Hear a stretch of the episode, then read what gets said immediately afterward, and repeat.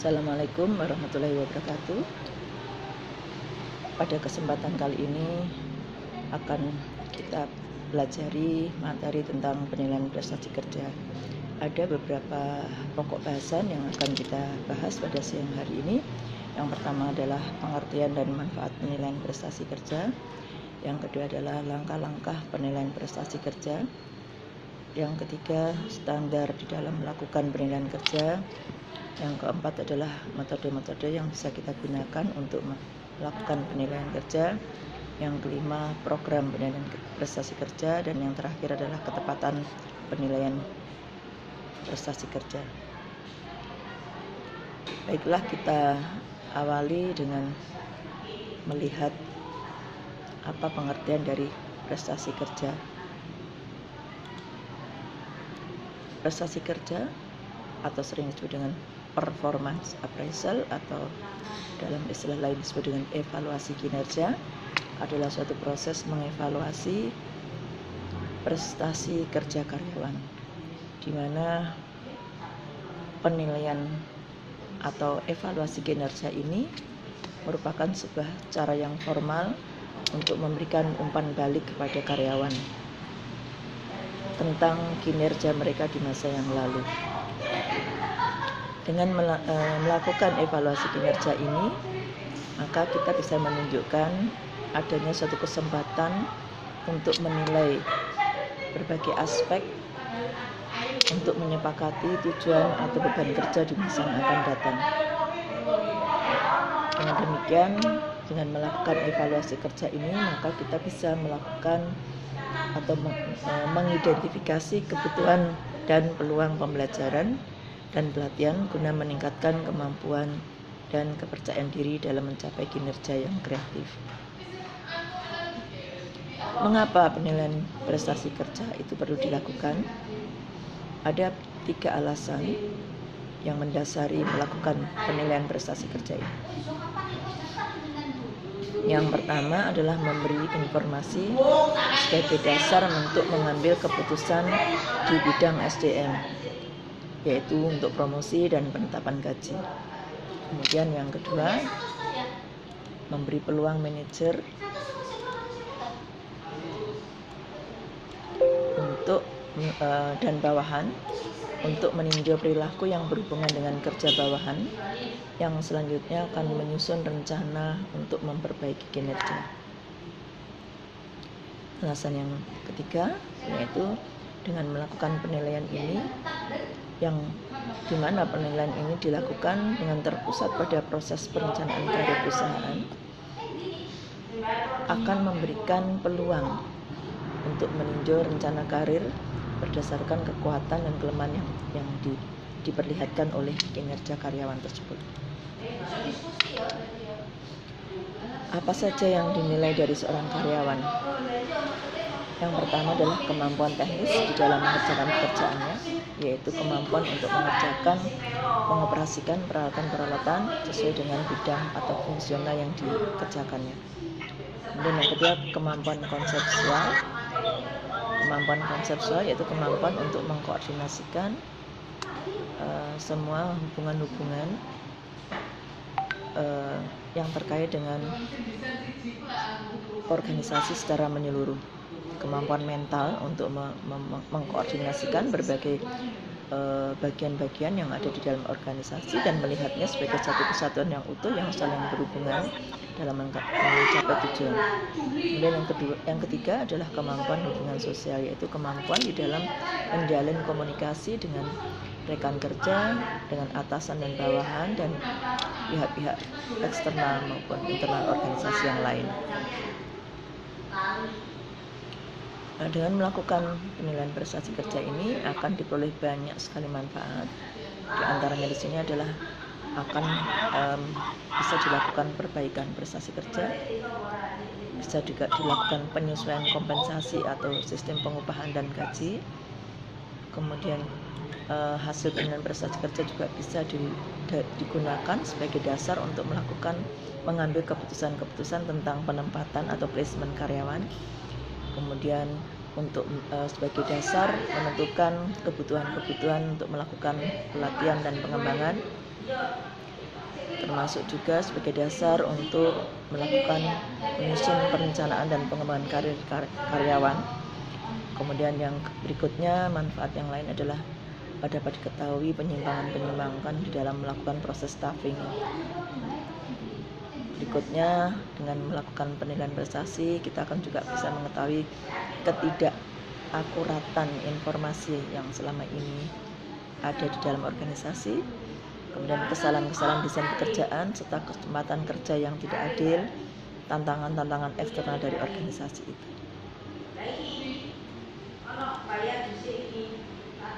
Berikut eh, langkah-langkah penilaian prestasi kerja pada prinsipnya terdiri dari tiga langkah. Yang pertama adalah menetapkan standar kerja. Setelah uh, berdasarkan standar kerja ini nanti akan dijadikan dasar untuk menilai prestasi kerja secara aktual yang kemudian akan diberikan dibandingkan antara standar dan penilaian kerja aktual ini sehingga kita akan bisa mengetahui apakah seorang karyawan itu sudah bekerja dengan sesuai dengan standar atau melebihi atau bahkan kurang dan ini berdasarkan hasil ini akan diberikan uh, umpan balik kepada karyawan yang tujuannya adalah untuk memotivasi agar prestasi kerja karyawan lebih baik lagi. Jadi ini secara komplit uh, mekanisme penilaian prestasi kerjanya. Ya, untuk menilai prestasi kerja karyawan ini kita harus mempunyai standar prestasi yang yang di standar prestasi ini yang disusun berdasarkan job disk yang telah disusun pada awal perencanaan uh, manajemen sumber daya manusia. Kemudian setelah ini dilakukan oleh karyawan maka akan dilakukan penilaian prestasi yang dengan penilaian prestasi ini akan memberikan umpan balik kepada karyawan. Nah, penilaian prestasi ini berdasarkan ukuran-ukuran prestasi yang yang telah disusun di dalam standar prestasi. Standar prestasi ini disusun berdasarkan hasil dari job analysis yang telah dibuat sebelumnya. Dari umpan balik inilah kemudian akan menjadi di, uh, disimpan dalam bentuk dokumen-dokumen karyawan yang kemudian akan digunakan untuk mengambil keputusan-keputusan terkait dengan uh, pengembangan SDM baik itu untuk melakukan training dan pengembangan maupun um, pengambilan keputusan-keputusan promosi, demosi, transfer serta sistem pengupahan dan pemberian reward yang lain. Nah, apa yang dimaksud dengan standar penilaian standar pekerjaan dan hubungannya dengan penilaian prestasi? Standar pekerjaan adalah sejumlah kriteria yang menjadi ukuran di dalam penilaian prestasi kerja. Standar pekerjaan ini dipergunakan sebagai pembanding cara dan hasil pelaksanaan tugas-tugas dari suatu pekerjaan. Sebagai se se uh, sebuah kriteria itu berisi informasi-informasi yang menyangkut tugas-tugas dan cara yang terbaik untuk melakukan tugas tersebut serta hasil maksimal yang harus dicapai dalam sebuah pekerjaan tersebut. Nah, untuk melakukan penilaian pekerja, pekerjaan dengan baik, penilaian prestasi kerja dengan baik, maka semua informasi ini harus disusun dengan uh, baik yang memenuhi kriteria sensitivitas yaitu bisa dibandingkan uh, perbandingan perbandingan dari masa lalu dan sekarang atau perkembangan yang dilakukan oleh seorang karyawan, realitas relevan ya. E, realitas itu secara objektif ya. Kemudian relevansi itu berkaitan dengan pekerjaan tersebut serta praktis mudah mudah dilakukan atau sederhana. Ini. Jadi hubungan analisis pekerjaan dengan penilaian prestasi kerja bahwa untuk melakukan penilaian prestasi kerja itu dibutuhkan suatu standar pekerjaan yang standar ini diperoleh dari melakukan analisis pekerjaan. Setiap pekerjaan itu memiliki aspek kuantitatif dan kualitatif. Ya, apa yang dimaksud dengan aspek kuantitatif yaitu pekerjaan-pekerjaan yang dapat diukur menggunakan satuan-satuan ukur yang berupa angka-angka. Misalnya di sini proses kerja dan kondisi pekerjaannya, waktu yang dipergunakan untuk melaksanakan pekerjaan, jumlah kesalahan dalam melaksanakan pekerjaan, jumlah dan jenis pemberian pelayanan ini semuanya bisa dikuantitatifkan. Sedangkan yang aspek kualitatif adalah ketepatan kerja dan kualitas pekerjaan, tingkat kemampuan dalam bekerja, kemampuan menganalisis data atau informasi, kemampuan memakai mesin, serta kemampuan mengevaluasi ya, baik keluhan maupun keberatan konsumen dan melakukan penelitian pasar. Ini semuanya disebut dengan aspek kualitatif. Nah, bagaimana melakukan uh, penilaian prestasi, prestasi kerja? Di, secara umum ada dua metode yang bisa digunakan untuk melakukan penilaian prestasi kerja. Ada satu metode yang kita sebut dengan metode yang berorientasi pada masa lalu dan metode yang berorientasi pada masa depan. Kalau kita melihat istilahnya berorientasi pada masa lalu yaitu suatu metode yang e, penilaian prestasi kerja dengan menggunakan data-data karyawan kinerja karyawan di masa yang lalu. Di sini banyak sekali e, metodenya. Ada enam metode ya. Mulai dari metode rating ya skala peringkat menggunakan checklist atau daftar pertanyaan, metode peristiwa kritis, ya, metode peninjauan lapangan, metode tes dan observasi prestasi kerja, metode evaluasi kelompok, ya, di mana evaluasi kelompok ini bisa dilakukan dengan cara menggunakan metode ranking atau grading ataupun alokasi angka. Yang kedua adalah metode berorientasi masa depan. Di antaranya adalah uh, penilaian diri sendiri, self appraisal, atau penilaian secara psikologis. Yang ketiga adalah teknik pusat penilaian. Yang keempat adalah manajemen berdasar sasaran. Uh, semua metode-metode ini uh, Ibu uraikan di dalam materi yang lain yang bisa juga di-download yang sudah bisa di-download di RPS online dalam bentuk uh, PDF ya. Untuk yang manajemen berdasarkan sasaran di sini Ibu jelaskan satu contoh dari beberapa metode itu yang ibu jelaskan di sini adalah uh, metode manajemen by objektif atau manajemen berdasarkan sasaran. Bagaimana proses penilaian prestasi kerja menurut NPS ini? Manajemen by uh, manajemen berdasarkan sasaran atau M MPS kalau bahasa Inggrisnya MBO manajemen by objektif jadi seorang karyawan itu akan melakukan satu di, diberikan uh, penugasan di mana di sini seorang karyawan harus melakukan suatu pekerjaan tertentu. Nah, dari jenis pekerjaan ini kemudian disusunlah rencana-rencana kerja yang semuanya ini harus mengacu kepada job disk yang telah disusun sebelumnya ini ya, job disk. Di mana setiap rencana kerja ini memiliki periode kerja yang yang telah ditetapkan di awal Kemudian setelah bekerja akan dilakukan penilaian prestasi.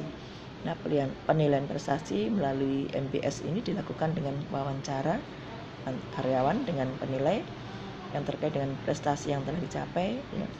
faktor-faktor apa yang berpengaruh terhadap kinerjanya. Kemudian yang ketiga adalah bagaimana dengan potensi karir jangka pendek, juga gagasan atau ide-ide untuk pengembangan di masa depan serta saran-saran pengembangan karyawan karyawan tersebut terhadap pekerjaan yang dikerjakan. Nah, dari hasil ini kemudian akan juga diberikan pemberian pekerjaan. Ini ini akan berputar kembali pada karyawan. Nah, proses ini selalu berputar dilakukan setiap periode baik bisa dilakukan enam bulan sekali atau satu tahun sekali sesuai dengan kebutuhan perusahaan. Nah, dalam rangka untuk melakukan penilaian prestasi kerja ini perusahaan harus membuat program penilaian prestasi kerja di mana berdasarkan eh, program-program itu harus menetapkan untuk apa penilaian prestasi itu dilakukan sehingga dengan mengetahui tujuan penilaian prestasi ini akan dibuatlah instrumen penilaian. Itu alat untuk mengukur. Instrumen-instrumen ini kemudian akan dirumuskan dalam bentuk standar-standar penilaian. Mohon diingat kembali bahwa di dalam menyusun standar penilaian ini harus selalu merujuk pada job disk yang telah dibuat di dalam perencanaan SDM. Nah, di dalam standar penilaian ini akan menyebutkan siapa yang menilai, siapa yang dinilai, kapan harus menilai, kemudian juga untuk memberikan penilaian yang objektif, maka seorang penilai ini juga harus diberikan pelatihan sehingga dia bisa melakukan penilaian-penilaian secara objektif dan hasilnya menjadi efektif. Nah, dari hasil penilaian ini kemudian akan diberikan feedback kepada karyawan atau umpan balik dan implikasi-implikasi yang harus diambil sebagai suatu keputusan oleh manajemen SDM organisasi. Ini, uraian lebih lanjut dari akan tersebut. Nah, bagaimanakah uh, penilaian prestasi yang tepat itu? Penilaian prestasi kerja karyawan yang tepat harus pertama memenuhi kriteria standar yang digunakan di mana dengan standar prestasi ini akan mencerminkan keberhasilan pelaksanaan pekerjaan. Nah, agar efektif, standar ini harus berhubungan dengan hasil yang diinginkan dari setiap pekerjaan.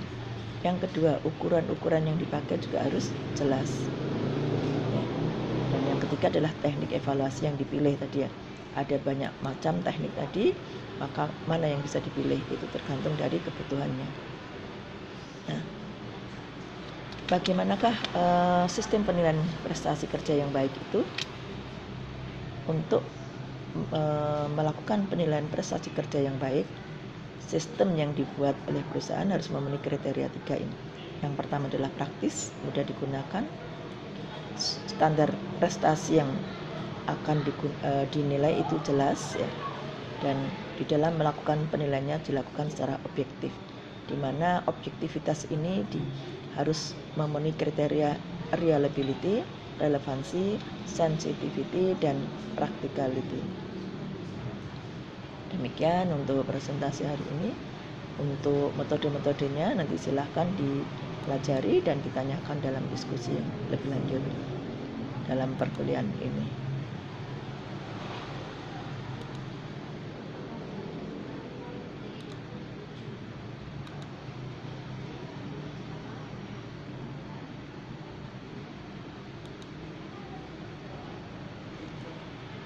Silahkan kalau ada yang mau merespon